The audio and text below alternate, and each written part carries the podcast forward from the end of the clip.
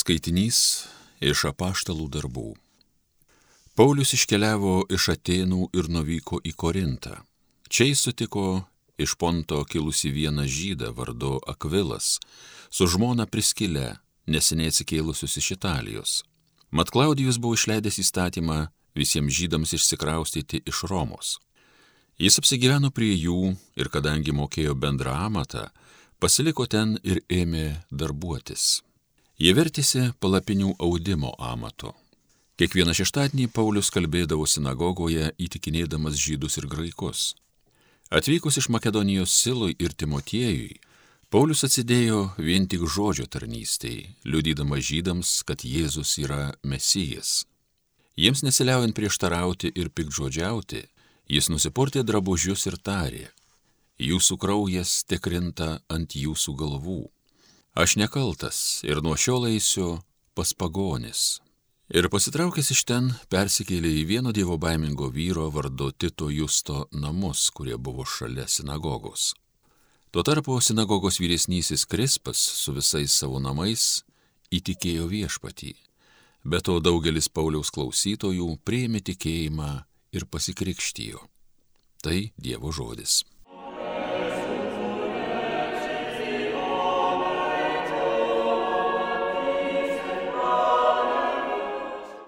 Savo išganimą viešpats apreiškė pagonims. Naują giesmę gėdokite viešpačiui, nuostabius darbus jis daro, jo dešinė visa gali, jo šventoji ranka pergalės skina. Savo išganimą viešpats apreiškė pagonims. Savo išganimą viešpats apreiškė, jo teisingumas šviečia pagonims, atsimena savo gerumą, ištikimumą Izraelio šeimai žadėtą savo išganimą viešpats apreiškė pagonėms. Ir mato visas pasaulis išganingai Dievo veikimą. Žavėkitės viešpačių šalys, šūkaukit, džiūgaukit, grokit. Savo išganimą viešpats apreiškė pagonėms.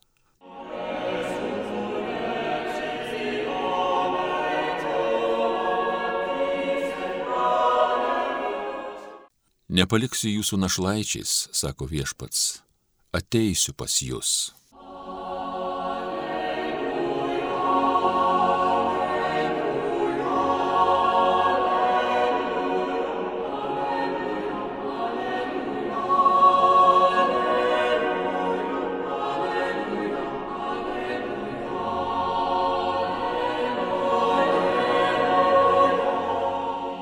Iš Evangelijos pagal Joną. Jėzus kalbėjo savo mokiniams. Prabėgs valandėlė ir manęs neregėsit.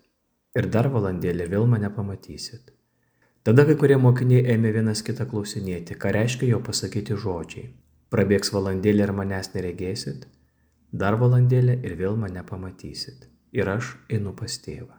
Tad jie klausinėjo, ką reiškia valandėlė. Mums neaišku, ką jis kalba. Pamatęs, Kad jie norėjo jį klausti, Jėzus tarė.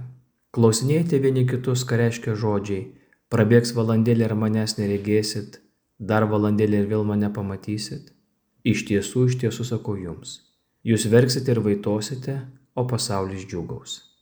Jūs liūdėsite, bet jūsų liūdėsys pavirs džiaugsmu.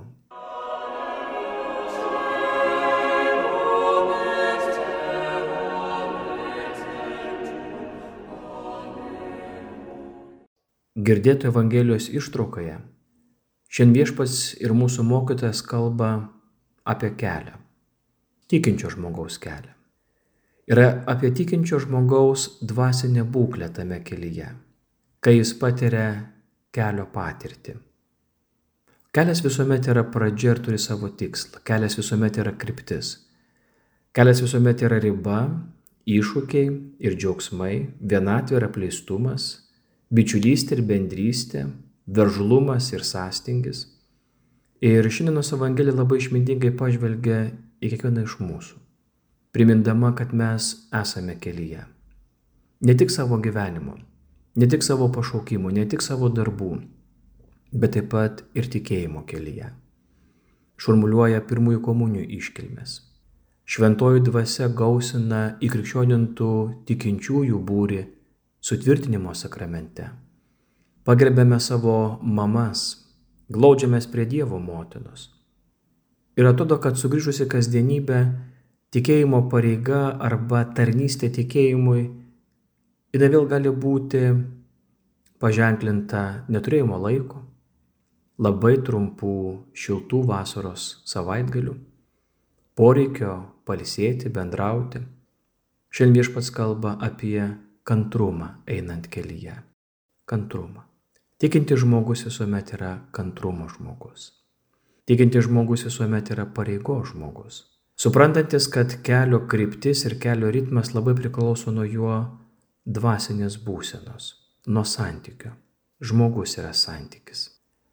Evangelija mums duoda galimybę mąstyti tikėjimo kelyje dviejopas patirtis - vidinę, dvasinę ir išorinę. Kas teikia mums laimę? Kur slypi mūsų laimė? Kas teikia mano gyvenimo džiaugsmą? Kur slypi mano gyvenimo džiaugsmas? Tai atrodo banalūs klausimai, bet šiandieninėme pasaulyje taip pat tampa labai svarbus ir reikalingi apmastyti. Daugelis galbūt sakytume, kad laimė tai tam tikrų dalykų siekimybė ir džiaugsmas juos pasiekus. Tikinčiam žmogui laimė tai yra mylėti ir būti mylimam. Šiandienos Evangelija mūsų savotiškai paklausia, ar mes jaučiame savo kelyje, tikėjimo kelyje, savo dvasinėme gyvenime, savo dvasinėje būklėje, Ar mes kiekvienas iš tikrųjų jaučiamės, kad esame Dievo mylimi? Mes jį mylime. Mes melžiamės. Mes išliekame tame kelyje. Stipriau ar su atsitraukimu. Bet labai dažnai ateina tokia didžiulė pagunda mąstyti, kad mūsų kelio ištikimybė Dievui yra pagrista baime, o ne meilė.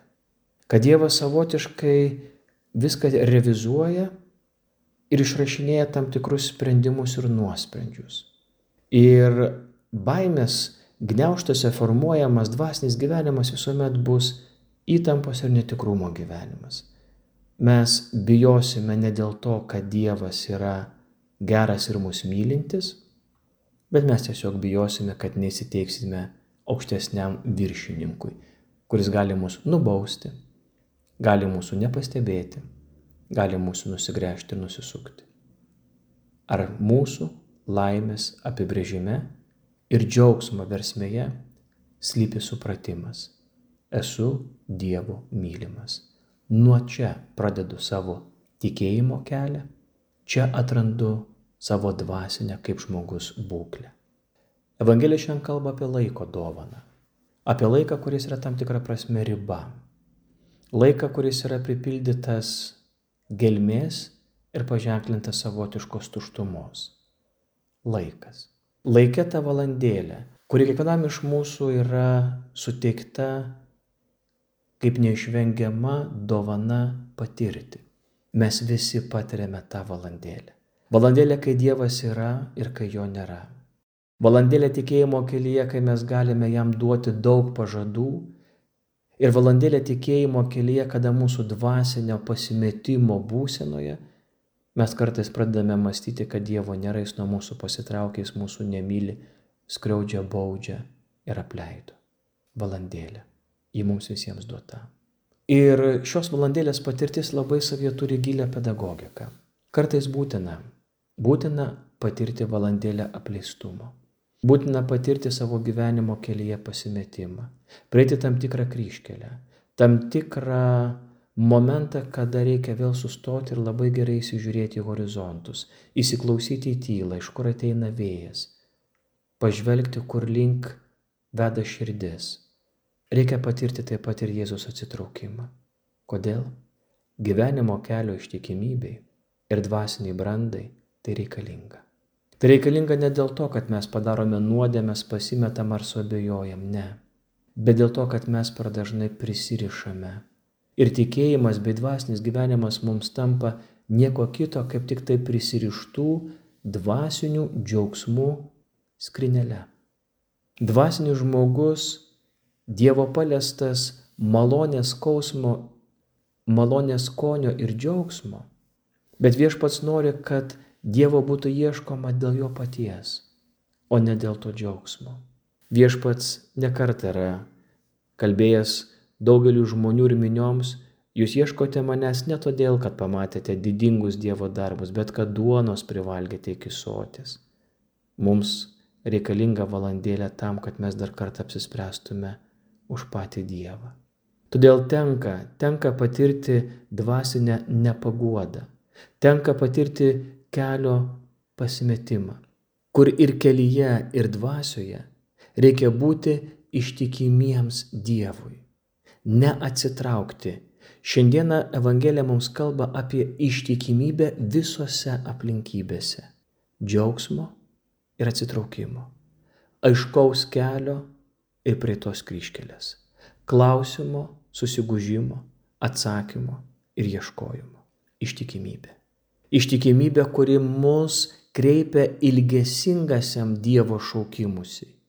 Ištikimybė, kuri mus paskatina dar kartą meilės jam išpažinimui. Ir ištikimybė, kuri šiandienos pasaulio kelyje, tikinčio žmogaus kelyje, yra labai keistas. Pasaulio džiaugsmas kyla, kai žmogus ištraukia savo ranką iš Dievo delnų. Šiandienos pasaulis džiaugiasi, kai uždaromos bažnyčios Šiandien pasaulis džiaugiasi, kai kunigai ir vienuoliai pameta savo pašaukimą ir nustoja būti kunigais ir vienuolėmis. Šiandien pasaulis džiaugiasi, kad ateinam vienu ar kitų šventovinių patirčių akivirkoje mažiau žmonių. Šiandien pasaulis džiaugiasi, kad bažnyčios pavirtusios tik muziejais.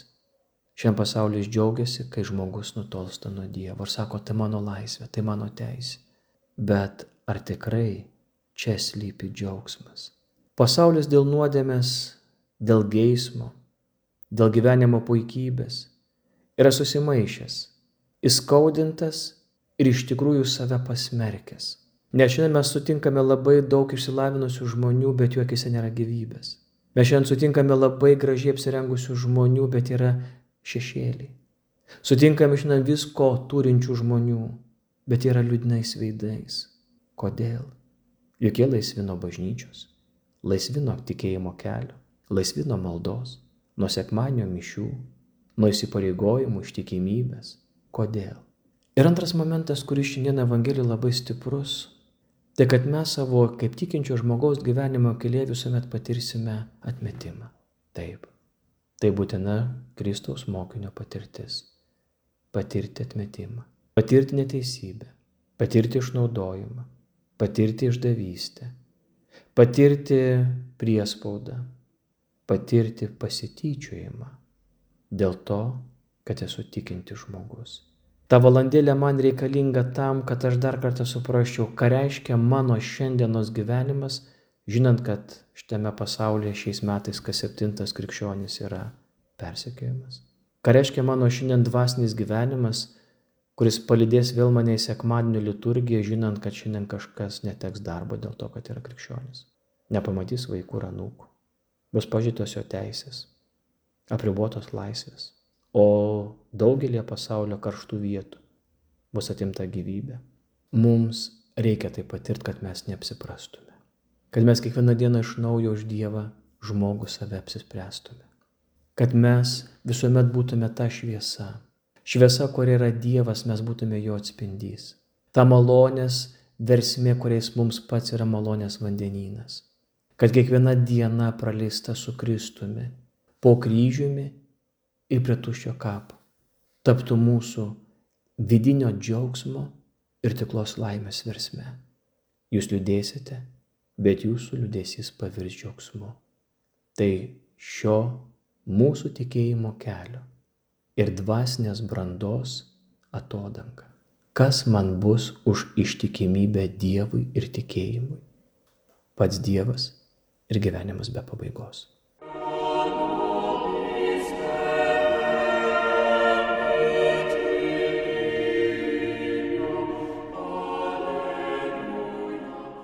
Homilija sakė kunigas Richardas Doveika.